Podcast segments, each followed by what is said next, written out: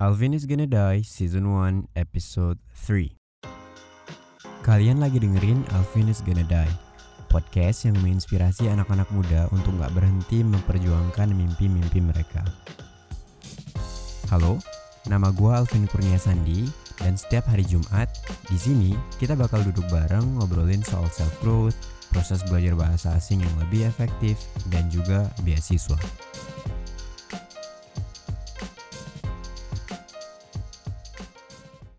Di episode ketiga dari season pertama ini, kita bakal bahas soal syarat-syarat atau berkas-berkas yang biasanya diminta oleh sponsor beasiswa, terutama beasiswa ke luar negeri. Kalau kalian adalah scholarship hunter, mungkin kalian tahu bahwasannya daftar beasiswa itu susah. Syaratnya banyak, yang daftar banyak, persaingannya ketat. Di tahun 2015, gue waktu itu daftar program exchange namanya Global U-Grad atau Global Undergraduate Exchange Program. Program itu adalah program yang dibiayai pemerintah Amerika Serikat, di mana scholarsnya bakal pergi ke Amerika Serikat untuk kuliah selama satu atau dua semester di kampus-kampus di Amerika. Setelah semua syarat-syaratnya lengkap, di awal bulan Februari waktu itu gue kumpul aplikasi gue ke Aminef. Aminef itu kepanjangan dari American Indonesian Exchange Foundation. Mereka adalah organisasi yang mengelola beasiswa Fulbright yang dibiayai oleh pemerintah Amerika Serikat. Dua minggu setelah gue submit aplikasi gue, gue dapet email dari Aminef kalau gue tuh diundang interview. Nah, terbanglah gue ke Jakarta, gue interview.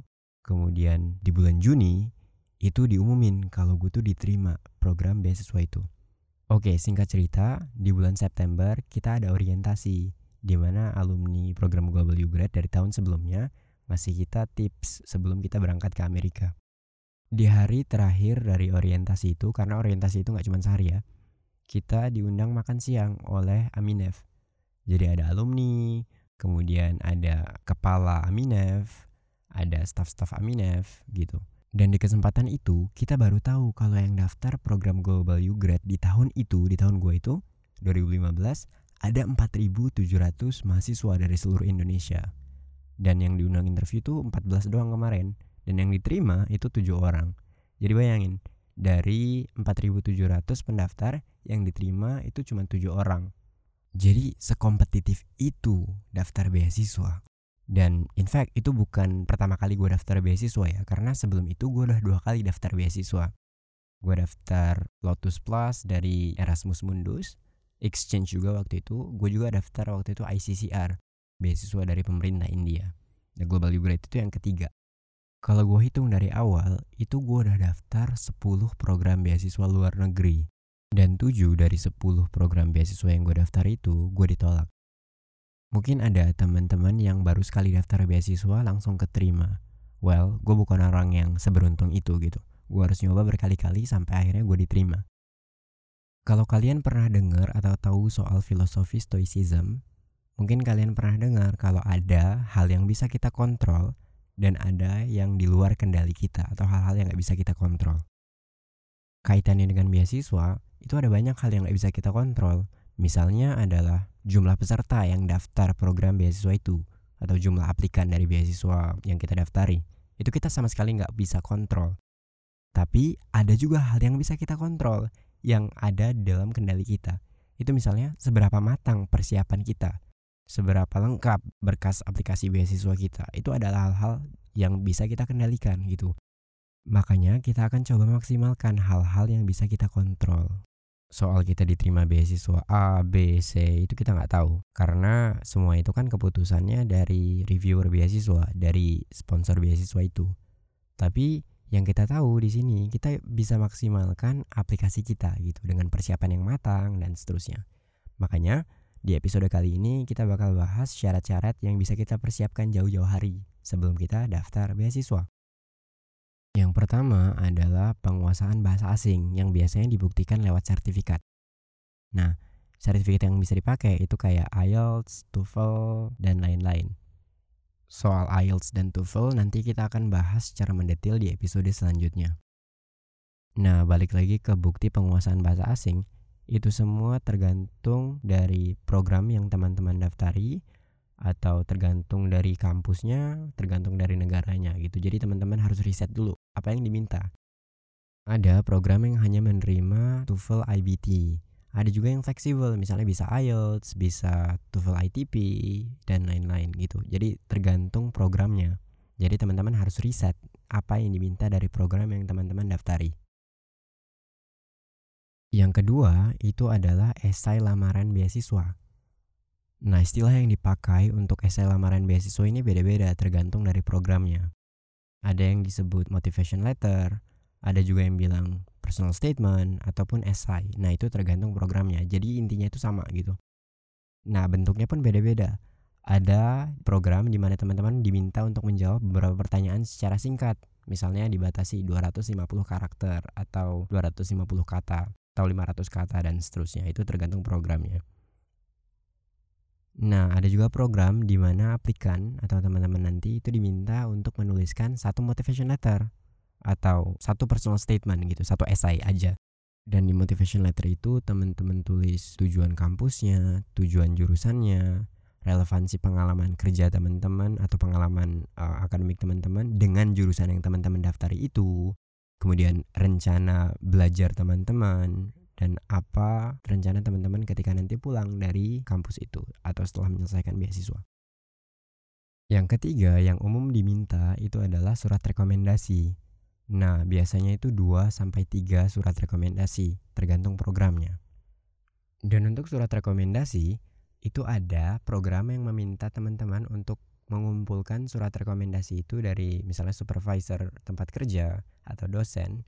Kemudian teman-teman jadiin satu, dan langsung kumpulkan bisa via email bisa dokumen fisik gitu Nah, ada juga program yang mewajibkan si referee atau si pemberi rekomendasi itu untuk mengumpulkan langsung ke sponsor beasiswa itu.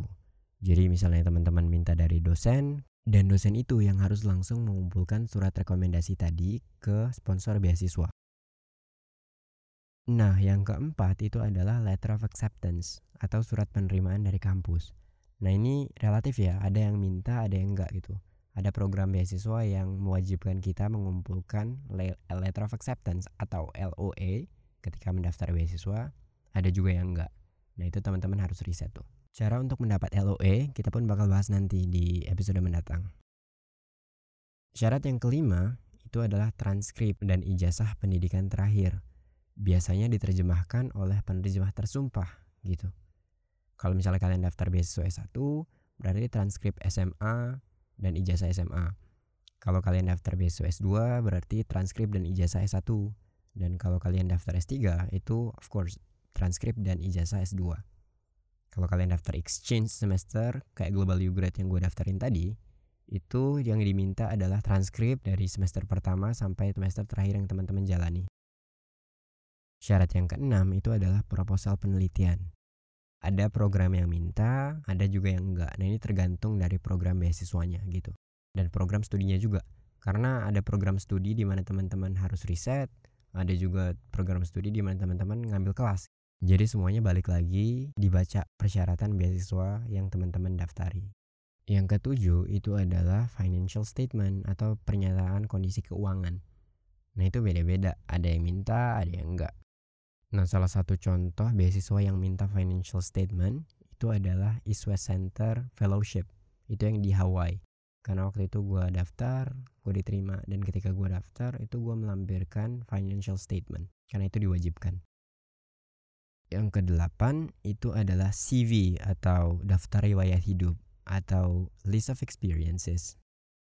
Ada yang diminta untuk misalnya isi formulir online untuk isi pengalaman tadi itu ada juga yang minta kita untuk submit CV kita. Oke, untuk menyimpulkan episode kali ini, gue bakal sebutin lagi tuh syarat-syarat yang biasanya diminta oleh panitia penyelenggara program beasiswa luar negeri. Yang pertama itu tadi adalah sertifikat bahasa, kedua esai lamaran beasiswa yang juga disebut motivation letter atau personal statement atau esai. Yang ketiga adalah surat rekomendasi, biasanya 2 sampai 3. Yang keempat itu adalah letter of acceptance atau LOA dari kampus. Yang kelima adalah transkrip dan ijazah pendidikan terakhir diterjemahkan. Yang keenam itu proposal penelitian.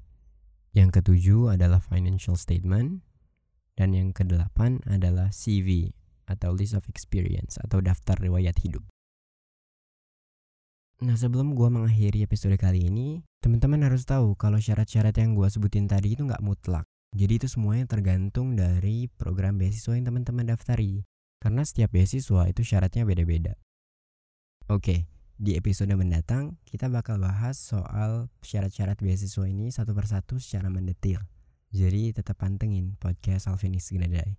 Semoga apa yang gue share kali ini itu bermanfaat buat teman-teman semua. Sampai ketemu minggu depan. Gue Alvin, salam.